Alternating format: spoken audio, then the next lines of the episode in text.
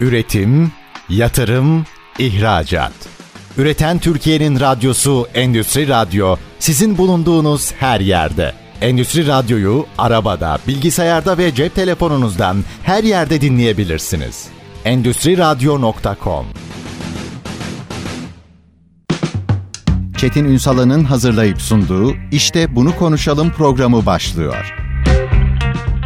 İşte bunu konuşalımdan merhabalar. Türkiye'nin gerçek gündeminde birlikteyiz. Bugün aslında yine biyo ilham konuşacağız. Biyo inovasyon konuşacağız. Kendi içinde yine o doğadan kaynaklanan potansiyeli, o potansiyelin doğru kullanılmasını, onun patente dönüşmesini mercek altına alacağımız konularımız olacak. Niye? Bugün Cuma, her Cuma olduğu gibi Ekoteknoloji ve Biyo İnovasyon Enstitüsü Derneği Genel Sekreteri Altuğ Revnak Eti bizlerle birlikte. Önce bir merhaba diyelim. Sayın Eti hoş geldiniz. Hoş bulduk. İyi akşamlar diliyorum size ve bütün dinleyicilerimize. Var olunuz. Üstadım bugün aslında yine bir biyo ilham birkaç örnekle gireceğiz. Evet. Ama onun ötesinde bir sorgum bitkisine şöyle bir mercek altına alacağız. Büyük potansiyeli var. İnanılmaz. Bunu konuşacağız. Çıktıları neler olabilir? Hatta yayın içerisinde kıymetli bir isim. Yani Türkiye'de bu konuyla ilgili çalışmış önemli isimlerden biri. Aslında tek isim diyebiliriz. Aslında tek isim de diyebiliriz. Uluslararası Hidrojen Enstitüsü eski başkanı Ankara Bilim Üniversitesi öğretim üyesi Profesör Doktor Engin Türe'ye de bağlanacağız. O bilgi donanımını da işin içine sokacağız. Enerjinin hocası diyebiliriz. Enerjinin yani. hocası gerçekten. Konuşacağız. Çok kıymetli bir isimdir sizden iyi olmasın. Buraya geleceğiz. Yani sorgun bitkisine bir geleceğim. Ama ilk önce bir iki biyo ilham örneğiyle başlayalım mı? Olur. Geleneği bozmayalım. Biyo ilham ya da biyo inovasyon dediğimizde ne yapmak istiyoruz? Biraz biz de ilham vermek istiyoruz aslında. Hani Türkiye'ye ve dinleyenlere. Çünkü dünya çapında biyomimetik ya da biyo ilham konusu doğayı taklit ederek doğaya dost çevreye zarar vermeyen daha iyi teknoloji geliştirmenin yolunu doğadan öğrenmek aslında. Yani doğa bizim öğretmenimiz. Burada İlham bir şey noktamız. hatırlatayım mı? Evet. Bu sene Davos'un iki ada gündem maddesi var. Bir işte güven, öbürü yapay zeka. Fakat yaratıcı teknolojiler dendiğinde üçüncü bir madde var. Biyoteknoloji. Ana gündem maddelerinden biri. Bunu daha önceki programlarımızda da konuşmuştuk. Steve Jobs'ın hayattayken söylediği önemli bir söz yine aklıma geliyor, cümle aklıma geliyor. Yani en önemli buluşlar ve keşifler biyoloji ile teknolojinin kesiştiği noktada 21. yüzyılda başlayacak diyordu. Gerçekten biyoloji ilham alanı olarak baktığımızda yani biyo inovasyon dediğimizde doğa, canlılık 4.2 milyar yıllık bir hazineden bahsediyoruz. O hazineyi keşfetmeye başladık. Aşağı yukarı 2000'lerin başından itibaren çok sayıda patent var. Buradaki ana amaç çözüm bulmak. Neye çözüm arıyoruz? Bozduğumuz doğaya, ürettiğimiz teknolojinin getirdiği zararlı atıklar ve dünyayı kirletmesi yanında bir de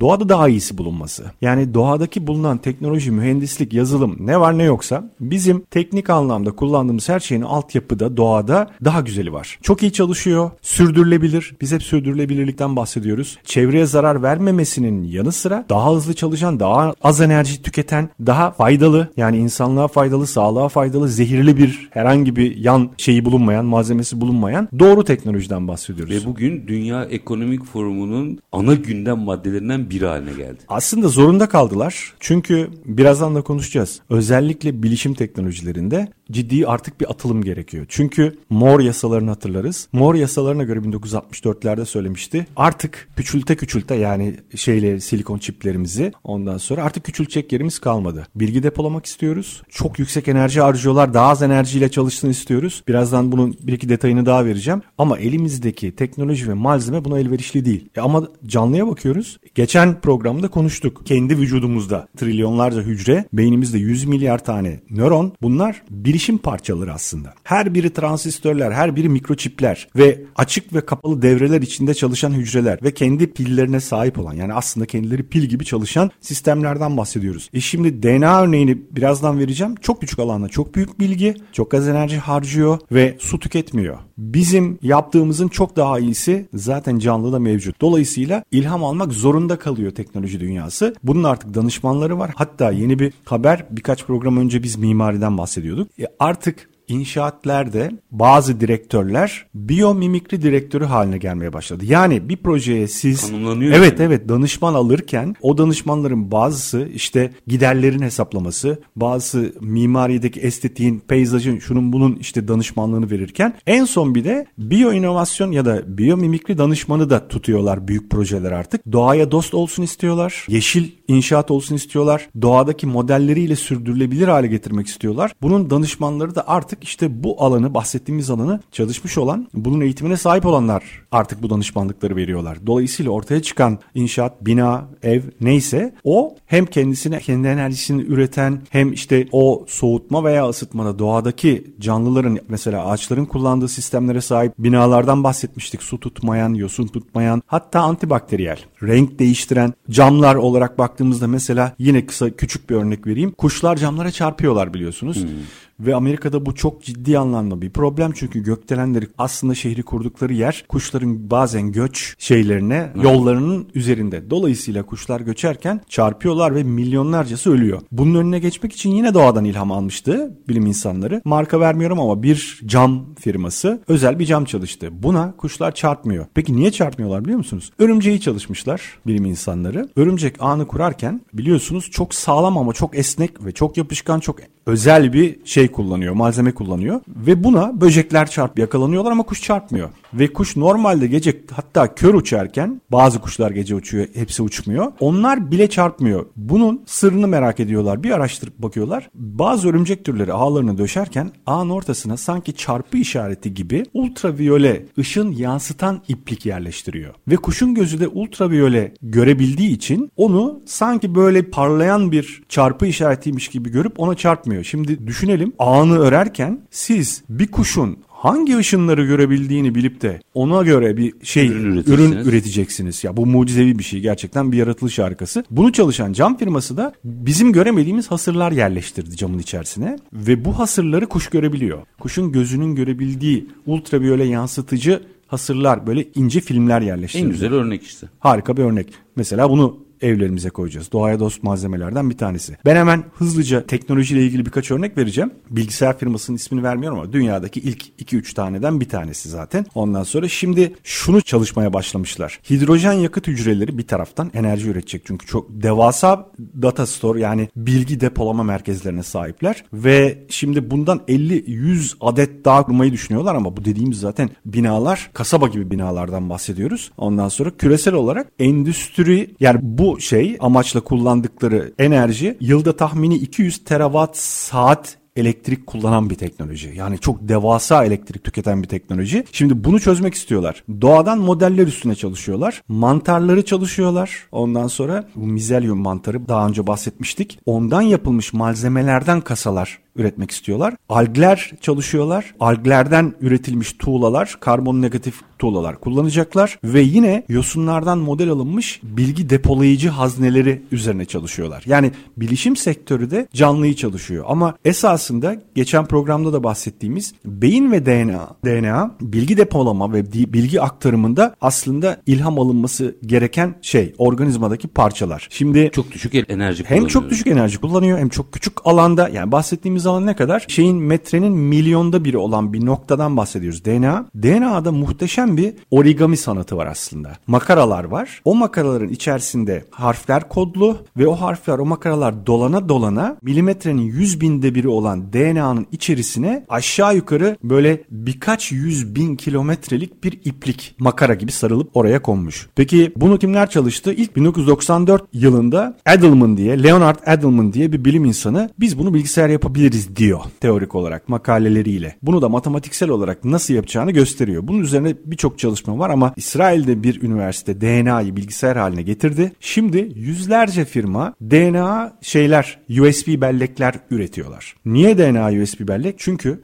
canlının yaşayışını düşünelim. 4 milyar yıllık bir DNA'nın bilgi taşıma kapasitesi. Haznesi. Siz 300 milyon yıl önce ölmüş bir canlının fosilinden bile hala çıkartıp DNA'nın analizini yapabiliyorsunuz. Dolayısıyla bilgi depolaması ve onu korumasının süresi yok yani. Bir de çok küçük bir alan, çok büyük bir bilgiden bahsediyoruz. Şöyle bir örnek veriliyor. 2025 yılına kadar kullanmakta olduğumuz cihazların sayısı yani telefonlar, bilgisayarlar falan 19 milyar civarı cihaz kullanılacak. Ve buna çok ciddi anlamda şey gerekiyor. Bir kere enerji, piller burada bir tarafı. Bir tarafı da onlar bir bilgi kapasitesine sahip olacaklar. Ve elimizdeki şeyler artık malzemeler, silikon çipler bunlara yetmeyecek hale gelecek. Yani nasıl bir şeyden bahsediyoruz miktar bilgiden? 2025 yılına kadar dünya dünya çapında üretilen bilginin miktarı 79 hatta 80 zettabyte. Zettabyte şöyle bir şey. 1 zettabyte trilyon gigabayta eşit. Şimdi 80 zettabyte'lık bir depolama yerine ihtiyacımız var. Dolayısıyla bugün artık demeye başladılar ki DNA burada çok dikkat çekici. Çünkü 1 gram DNA aşağı yukarı 455 exabyte'a kadar veri depolayabiliyor. Yani bu ne demek biliyor musunuz? Dünyadaki bütün küresel verinin şu anki depolandığı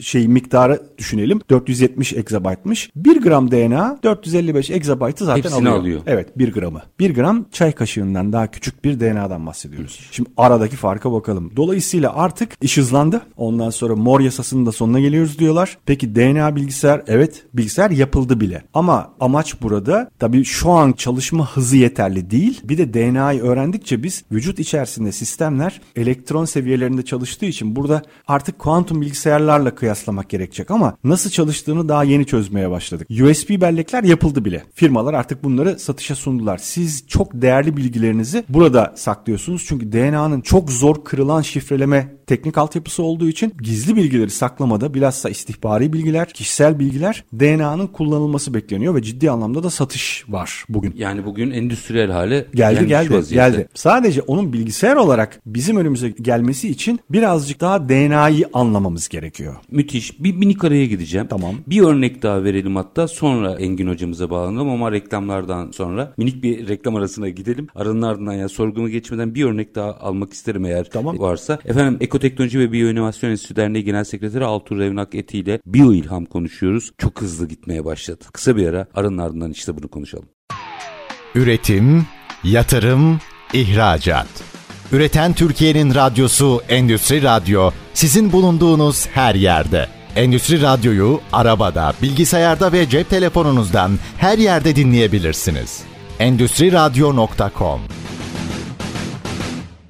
Kısa bir aranın ardından işte bunu konuşalım demeye devam ediyoruz efendim. Konuğumuz Ekoteknoloji ve Biyoinovasyon Enstitüsü Derneği Genel Sekreteri Altur Revnak Eti. Az sonra çok kıymetli bir isme de bağlanacağız. Ankara Bilim Üniversitesi öğretim üyesi ve Uluslararası Hidroloji Enstitüsü eski başkanı Profesör Doktor Engin Türe de bizlerle birlikte olacak. Şimdi Sayın Eti demin müthiş bir örnekti. Böyle ufak ufak hazır Engin hocamız da hatta doğru gelirken bir sorguma girelim. Sorgum bitkisi yani konuştuğumuz onlarca bit- bitkiden biri belki ama mucizevi bir bitki. Sihirli bitki. Hocaya dönmeden önce bir girizgah yapın Tamam. sorgumla. Ya sorgum gerçekten dünyada stratejik bitkiler içerisinde belki ilk üçte. Bazı ülkelerin hayatını kurtarmış Brezilya gibi. Yani üçüncü dünya ülkesi olup da borç içerisinde yüzerken fosil yakıtlardan kurtulmaya çalışırken 1973'te sorguma geçmeye karar vermişler. Bu hikaye gerçekten bir başarı hikayesi. Bugün sadece Brezilya'da bütün araçların yani arabalar, kamyonlar ne var ne yoksa %75'i sorgumdan üretilen etanol üzerinden çalışıyor. Dolayısıyla fosil yakıtlara bağımlılıklarını neredeyse tam anlamıyla devreden çıkarmışlar ve çok büyük karlara geçmişler. Bu sadece sorgumun bir tarafı. Şimdi biz kenevir konusunda zaten biraz yaralıyız ve bugün keneviri kim çalışıyor? Biz bıraktırıldıktan sonra Amerika yani kenevir ve kenevirin yan ürünleriyle alakalı dünyada bir numara. Başka ülkeler de yine çalışıyor ama sorgum kenevirden çok çok daha aslında getirileri olan sihirli bir bitki ve bunu aslında birazdan bağlanacağımız Engin Hoca, Engin Türe Hoca ilk çalışan ve Türkiye'de aslında tek çalışan. Bazı çalıştaylar da yapıldı ondan sonra ama yıl 94, 1994 yılında TÜBİTAK'ta enerji konularında hoca çalışırken ben de kendisinden dinledim bunu. 2018'ler ya da onlarda o zamandan beri ben sorgumu okuyorum ve anlatıyorum insanlara. Çünkü o kadar çok getirisi var ki bir ülkeye bahsettiğimiz şey bitki bir şeker kamışı aslında. 4 metreye kadar uzuyor. Çok arsız bir şekilde büyüyen bir canlı. Arsızdan kastım. Etrafındaki bitkilere zarar vermiyor. Onlara musallat olmuyor. Her bitkiyle beraber çalışabiliyor. Aynı mantarda olduğu gibi mantar da bu stratejik şeylerden canlılardan bir tanesi. Bütün canlıların arasında yaşarken onlara faydası olup aynı zamanda negatif emisyon sağlayan bir bitkiden bahsediyoruz. Bakın negatif emisyon. Yani aslında havadaki karbonu yakalayan bir bitkiden bahsediyoruz. Bu anlamda biyo inovasyon kısmı tarafında benim çok ilgimi çekmişti. Çünkü biz karbon işte salınımından kurtulmak isterken ortada bir bitki var. Karbonu en çok yakalayan, çeken ve onu etanole çeviren, onu gıdaya çeviren, şekere çeviren bir bitkiden bahsediyoruz. Yani ne kadar eksen o kadar havayı temizleyeceğin bir bitkiden bahsediyoruz. Ve o aldığı karbonu çok fazla ürüne çeviriyor. Ne yapıyor? Birincisi etanol bir tarafı. Yakıt olarak kullanabiliyorsunuz. Besin değerlerini bir tarafa koyalım. Ekolojik olarak çok ciddi bir anlamda şeyi var, faydası var. Küresel ısınmaya ciddi negatif etkisi yani onu azaltıcı etkisi var. Fosil yakıtlara bağımlılığı en aza indiriyor. Ondan sonra hidrojen kaynağı bir defa hocanın bir de konusuna tekrar geliyoruz burada. Etinden sütünden yüzlerce ürün üretebileceğimiz bir üründen bahsediyoruz ve nereye eksen çıkıyor. Hadi soralım o zaman. Evet.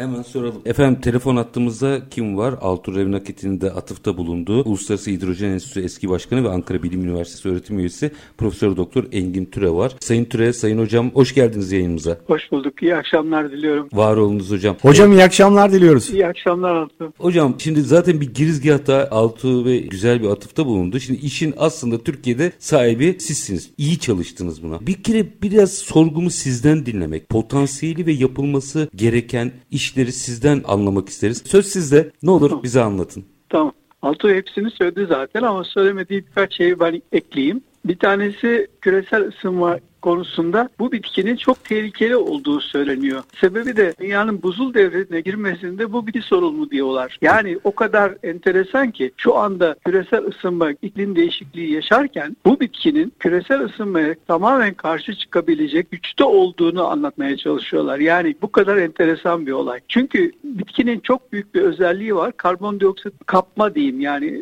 bunu karbondioksit Yok e, etme diyelim hocam biz onu daha net. potansiyeli çok yüksek, verimi çok yüksek. Yani normal biler binde yaparken binde beş, binde on bu yüzde ikiler civarında karbondioksit emebiliyor havada. Yani çok tehlikeli diyorlar. Neden? Çünkü havada bir tane karbondioksit molekülü olsa onu bile yakalayıp tekrar bunu absorbe edecek güçte bir bitki. Müthiş. Yani iklim değişikliği ve küresel ısınma için tam birebir bir olay. Önemli olan bir kısım daha var tabii. Bu bitkiden hidrojen elde etmek mümkün. Çünkü biyokütleden hidrojen olayı aslında biz bunun Hindistan'da bir projesini yaptık. Ee, sorgum bitkisinden hidrojen eldesiyle ilgili bir proje geliştirdik Hindistan'da. Çok başarılı oldu. Özellikle tabii ki yakıt olarak hidrojen etanoldan da çok kuvvetli olduğu için zaten gelecekte başka bir çaresi de yok dünyanın. Yani bugün artık uçakları kömürle mi uçuracaksınız? Ne bileyim işte atıyorum odunla mı uçuracaksınız? Yani başka bir çaresi yok. Hı hı. En kuvvetli yakıt hidrojen. Ondan sonra uçakların hidrojenle uçacağı kesin. Hadi diğerlerini bir tarafa bıraktım. Ama uçak konusunda kesinlikle hidrojen başka bir alternatif yok. Şimdi bakıyorum son yıllarda son 2-3 senedir özellikle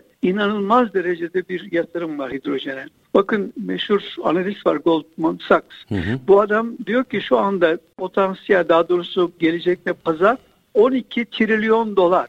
12 trilyon dolar hidrojen pazarı, hidrojen market. Yani gittikçe bu iş mesela Rusya yılda 100 milyar dolar gelir sağlayacağım diyor hidrojenden diyor. Mısır bile hidrojenle ilgili milyar dolarlık yatırım yaptı. Rusya Sokar e, TANAP üzerinden Avrupa'ya hidrojen taşımayı planlıyor. Yani Güney Kore birçok ülke, e, Japonya bunlar birçok e, endüstri ülkesi şirketler yatırım yapıyorlar hidrojene. Hocam burada sorgum galiba avantaj sağlayan başlıklardan biri.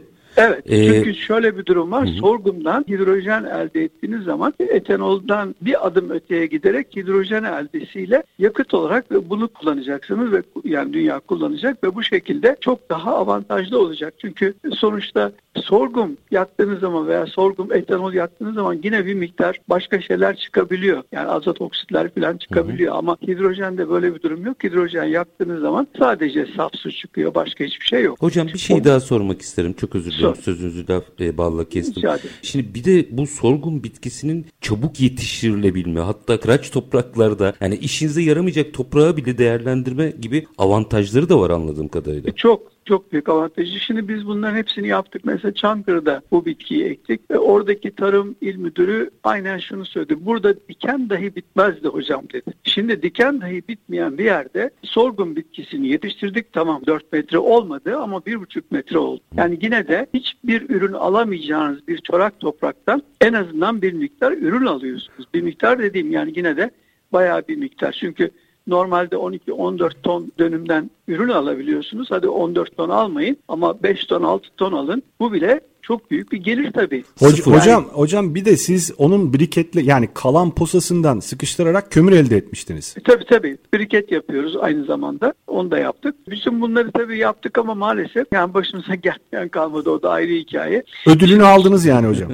Aa, tabii tabii gayet iyi aldık. Ama bugün Çok... tekrar başlayabiliriz sanki hocam. Valla yani bu tabii büyük bir iş. Bu devletlerin e, yatırım yapması gereken Hı-hı. bir olay. Özel şirketler biraz zor yani. Devletin buna ön ayak olması gerekiyor. Artık olur mu olmaz mı orasını bilemem ama geçmişte bunun maalesef çok şeyini yaşadık. Ters tepti. Ama Burada, bilimsel olarak artılarını ortaya koyacak raporlamalar yaptınız hocam siz. Çok yaptık. Yani bunları bütün bunlara rağmen yaptık ama bakın TÜBİTAK'tan yani bir yerde hani ayrılmamızın nedeni veya ayrılmamızın nedeni başında bu geliyor. Ama sonuçta biz bunu pes etmedik ve devam ettik. Hocam, Ama devam ettiğimiz zamanda yine başka şeyler çıktı ortaya ve maalesef yürümedi olaylar. Fakat yani şöyle Türkiye'de. bir değişiklik var artık. Kenevir de bunlardan bir tanesiydi. Evet. Şimdi Kenevir gündemde şu an şimdi. gündemde ve başladı. Yani bazı küçük girişimler projeler, oldu, girişimler tabii. devlet destek vermeye başladı. Aslında tekrar anlatılması gerekiyor. Tam da orada şunu sorayım hocam. Oradan açın. Altın Revin Aketi'nin sorusunun üzerine üzerine. Bugün buna karar verirsek yol haritamız ne olmalı? Yol haritamız gayet basit. Bir defa tarımla rekabet etmeyen arazilerde arazilerin tahsis edilip bu bitkiyle e, ekim yapılması. Şimdi bu bitkinin başka bir durumu var. Bu bitki aslında hibrit bir bitki. Çünkü ya daha doğrusu hibrit olmayan da var ama verimi düşük. Hı hı. Şimdi bunu yüksek verimli hale getirmek için bu tohumlar üzerinde oynamak gerekiyor ki biz bunu da yaptık aslında. Yani yani biyoteknoloji gelişim. yaptınız hocam. Evet biyoteknoloji yaptık açıkçası ama bu da önlendi. Şimdi burada yapılması gereken yani normal güzel bir laboratuvar kurulup bu bitkinin Türkiye'ye yani e, adapte edilmesi. Çünkü bitkinin orijini Afrika aslında. Bunu Avrupalılar kendilerine adapte etmişler. İtalya'da özellikle yapmışlar bunu. Avrupa Birliği bununla ilgili bir konsorsiyum kurdu. Avrupa'da bir konuyla ilgili hatta broşürden dolayı ben bu işe girdim. Çünkü onların bastığı bu broşürde bu bitkinin avantajlarını görünce ben dedim ki Türkiye'de niye olmasın böyle bir şey? Çünkü Türkiye'nin hem arazi yönü yönünden hem de ilim yönünden çok daha müsait. Hocam Sonuçta, şeye hazır mısınız? Bugün karar verilse biliyorum hazırsınız. Ben yani tanıyorum sizi yakından ama e, her türlü bilginizi, birikiminizi ortaya tabii koymaya canım, tabii. açık çeki alayım. İşte araya gideceğim. Son tabii. bir mesaj alayım, son bir vurgu alayım sizden. E, öyle veda edeyim size. Tamam. Valla bu yenilenebilir enerji konularında güneş olsun, rüzgar olsun, biyokütle olsun, hidrojen olsun hepsinde hazırım çalışmaya ve özellikle bu konu gerçekten Türkiye için her yönden ideal olarak gözüküyor. Çünkü arazi çok geniş ve kullanılmayan birçok arazimiz var. Bunu kullanılır hale getirmek mümkün. Yüreğinize sağlık. Altur Evin'deki bir Hocam, şey diyecek. e, çok teşekkür ediyorum. Sesinizi de duyduğumuza çok sevindim. Sağ olun. İnşallah yani sizin bu bilgilerinizin ülkeye çok çok faydalı olacağını düşünüyorum. Her yerde de anlatıyorum. İnşallah. Sağ ol. Çok teşekkürler. Yüreğinize sağlık hocam. Uluslararası Hidrojen Enstitüsü eski başkanı ve Ankara Bilim Üniversitesi öğretim üyesi Profesör Doktor Engin Türe'ye çok teşekkür ediyoruz. Sağ olsunlar. Sevgili Altur Evneketi. Şimdi araya gidip aranın ardından bütün bu konuştuklarımızı evet değerlendirmekte fayda var. Sorgum üzerinden kısa bir ara aranın ardından işte bunu konuşalım. Üretim, yatırım, ihracat. Üreten Türkiye'nin radyosu Endüstri Radyo sizin bulunduğunuz her yerde. Endüstri Radyo'yu arabada, bilgisayarda ve cep telefonunuzdan her yerde dinleyebilirsiniz. Endüstri Radyo.com Kısa bir aranın ardından işte bunu konuşalım demeye devam ediyoruz efendim. Kimde her cuma olduğu gibi Ekoteknoloji ve Biyoinovasyon Enstitüsü Derneği Genel Sekreteri Altur Revnak Eti ile şimdi az önce sevgili Altur Revnak Eti Hoca e, Uluslararası Hidrojen Enstitüsü eski başkanı ve Ankara Bilim Üniversitesi öğretim üyesi Profesör Doktor Engin Türe nokta atışı. Sadece karbondioksit düşmanı tanımlaması bile Çok e, şu anda 2026'ya kadar bizim elimizde ne kadar büyük bir avantaj olduğunu gösteriyor. Tabii. Ama ben susayım. Altur Revnak Eti yorumlasın. Şimdi hocaya o zaman hoca 1994 yılında bunu çalıştı. Bilimsel olarak da sorgumun yüzlerce faydasını ortaya koydu. Gitti de projesini de yaptı. Önce TÜBİTAK'ın arka bahçesine ekti. Haftada 10 santim uzadığını görünce en çorak toprakta bile yetişebildiğini görüp çok ucuza çünkü bütün mısır veya benzeri bitkilerin istediği suyun yarısını istiyor. Güneş ona yetiyor. ve hızlı bir şekilde uzuyor. Yani en çorak toprağa eksen çıkıyor. Bu nedenle arsız. Heh, bu nedenle arsız. Ve diğer bitkilere musallat olmadan büyüyebilen bir bitki. Dolayısıyla sizin besinini harcayacağınızı düşündüğünüz yerleri hiçbir şekilde besinini harcamıyor. Tam tersi neredeyse nadas etkisi yapıyor karbonu topladığı için. Onu besine çeviriyor. Şimdi karbonu toplaması bir tarafını hemen düşünelim. Çimento fabrikasının yanına en ağır sanayi olan yere ek oradaki çıkan karbonu emsin bir defa. Onu al oradan etanol üret. Çok paran yok mu? Etanol üretme. Sıkıştır kömür yap. Hocanın yaptığı o zaman da Doğal kömür. Tabii. Bu kömürü çalışmıştı o zaman da ve makalesini de yazmıştı. Yarım kilo linyit koyuyorsunuz bir sobaya. Yarım kilo da bu sıkıştırdığınız sorgumdan ürettiğiniz kömürü koyuyorsunuz. Ne yapıyor biliyor musunuz?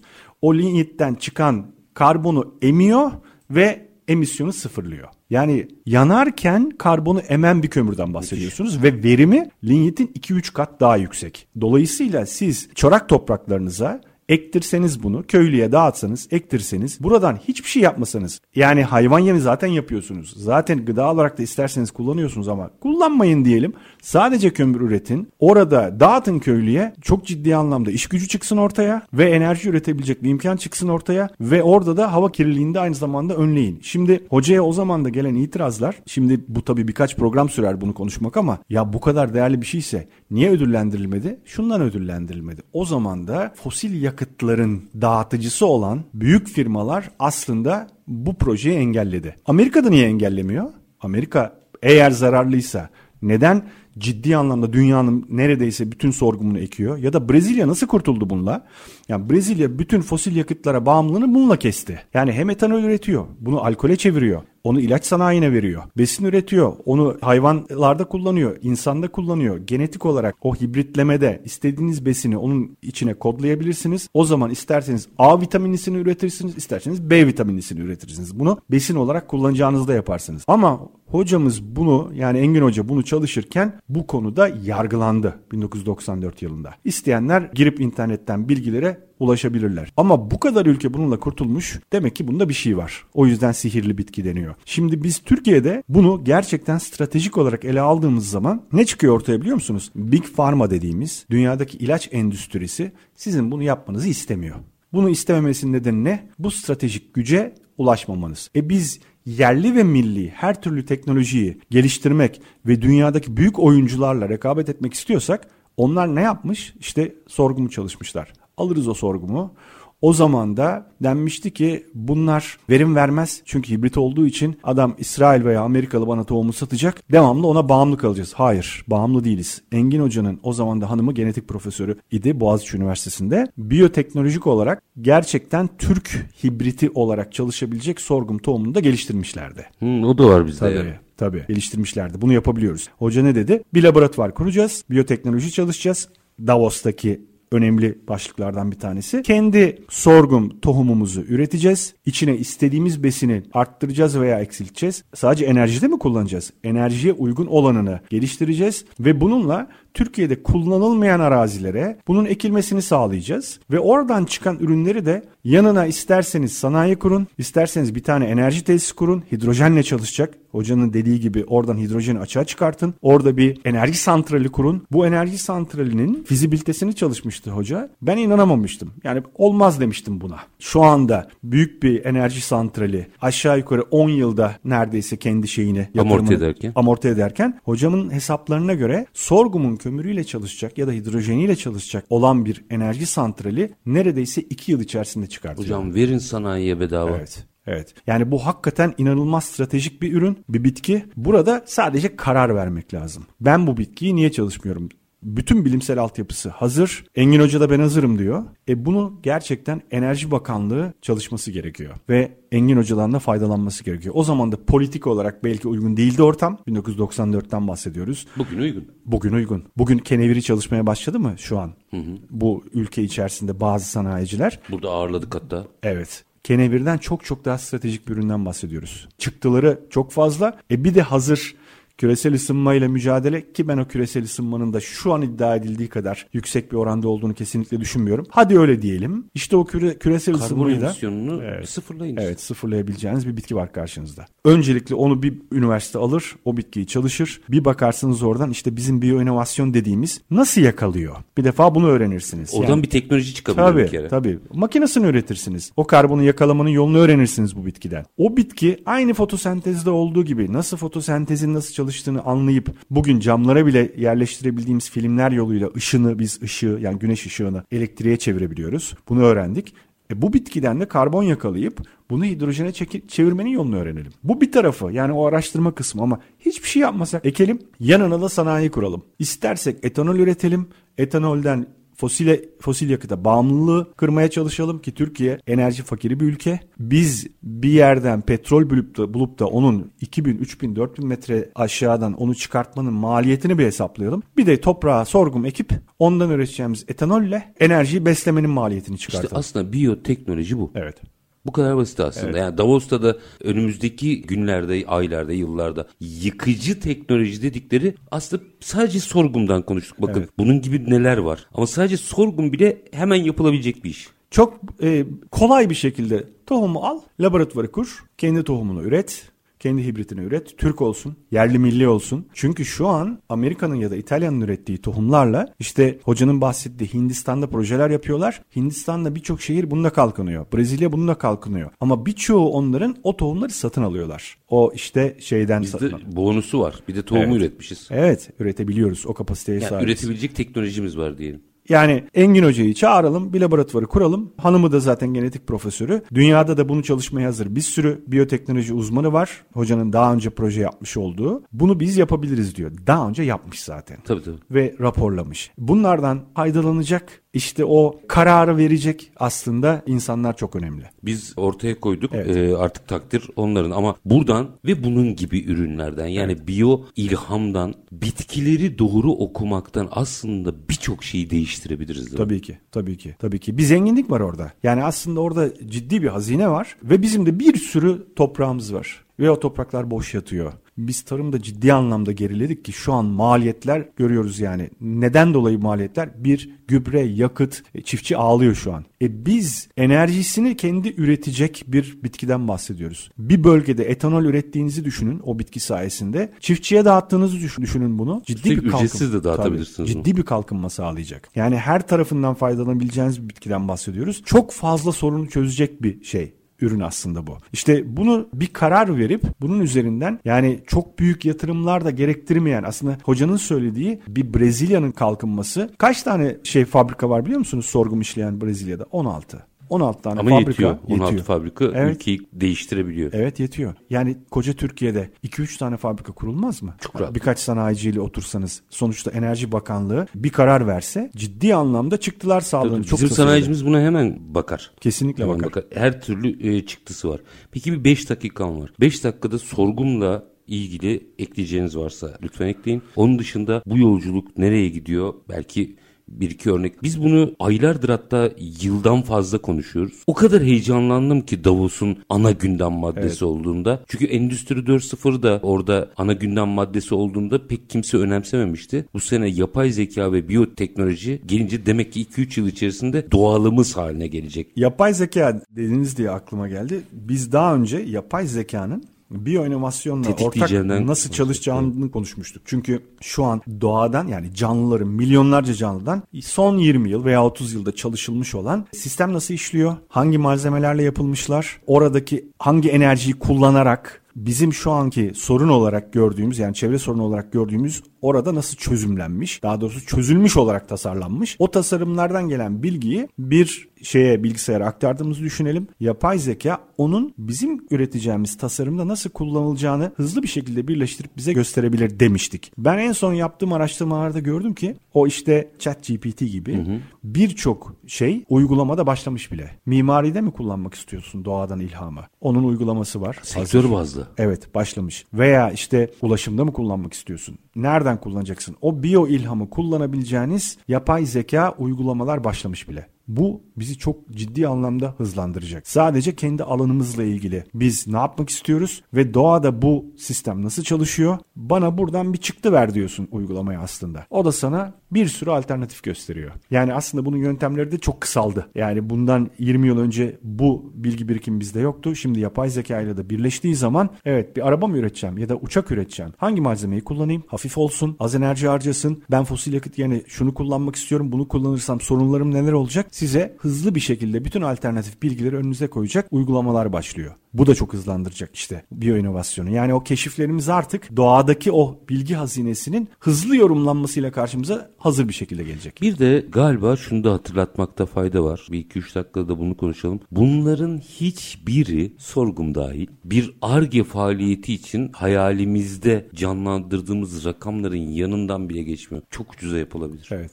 evet. İşin bu boyutunda biraz anlatın 2-3 dakikada ne olur? Ben şöyle söyleyeyim. Bir laboratuvar kurdunuz. Biyoteknoloji laboratuvarı. Bugün aşağı yukarı maksimum 1 milyon euroya en gelişmiş laboratuvarı kurabiliyorsunuz biyoteknoloji ile alakalı olarak. Bunu ben kafamdan uydurmuyorum. Engin Türe Hoca'nın çalışmış olduğu laboratuvarda gereken işte Cihaz vesaire. cihazlar en iyisinden ne kullanırsanız kullanın 1 milyon euroyu halledersiniz. Laboratuvarı kurdunuz. Tohum ürettiniz. Siz devlet desteğiyle İsterseniz askerlere ektirtin, isterseniz köylüye ektirtin. Yani zaten nüfus yoğunluğu var. Bir de siz Engin Hoca o zaman da yaptığı projede Çankırı'daki köylülerle beraber çalışmıştı ve köylülere işçi olarak çalışırken normal işçi ücretin 3 katını ödemişlerdi. Ve o 3 katını ödemelerine rağmen o kadar feasible bir projeydi ki çıktılar gayet güzel bir şekilde projenin çok az maliyetle yapılmasını sağlamıştı. Dolayısıyla yani siz laboratuvar kurup tohumu üretip bir yerde ekim yapmanız ve oradan basit bir briketleme tesisi yani hoca o zamanda o kömürleri briket, briketleme işini ordudan çıkma birkaç makineyle çözmüştü. Yani siz bunu bir kasaba bir köy seviyesinde bile yapabileceğiniz şeylerden bahsediyoruz. O briketlerle yerel bir kamu firması diyeyim. 2-3 yıl üst üste fuara gitti ve ben 2-3 yıl onlarla konuştum. Mesela şu anda varlar mı bilmiyorum ama o zaman da bu mucizeyi anlatıyorlardı. Evet. İşler çok zor değil. İşler çok zor değil, karar vermek lazım. Yani yerli milli teknoloji diyoruz ya, e, bilgi burada hazır işte. E, kullanalım. Valla bence bununla da e, bitirelim. E, ama biz yine biyo inovasyonu, yine biyo ilhamı konuşmaya evet. devam edeceğiz. Son bir cümle alayım, oradan bitireyim. Valla o Davos'la ilgili verdiğiniz bilgi benim için de yeni. Yani biyoteknolojinin ana başlıklardan bir tanesi olması. Hep geldiğimiz noktada biyo dünyaya dönüyoruz. Hazine orası keşfetmek için sadece ona göre bakmak lazım ve oradan aldığımız bilgileri de kullanmaya karar vermek lazım. Ekoteknoloji ve Biyoinovasyon Enstitüsü Derneği Genel Sekreteri Altur Revinaket'e teşekkür ediyorum. Biz ben konuşmaya devam edeceğiz. Ediyorum. Bu konu güzeldi. İnşallah sorular gelir. Yani ona dair talep gelirse yine Engin Hoca ile bunu konuşmak Memnuniyetle. isteriz. Hocam her zaman biliyorsunuz. Ee, çok çok teşekkür ediyorum. Ben teşekkür ederim. Efendim. efendim biz bugün yine biyoinovasyonu konuştuk. Bir iki örnekle başladık ama sorgun bitkisini özellikle çalıştık. Yani sizler için çalıştık ve paylaştık detayları. Gerçekten kısa sürede geri dönüşü alınabilecek bir hamleden söz ediyoruz. Ee, biz detayları paylaştık. Takdir sizlerin. Biz her zamanki gibi bitirelim. İşinizi konuşun, işinizle konuşun. Sonra gelin işte bunu konuşalım. Hoşçakalın efendim.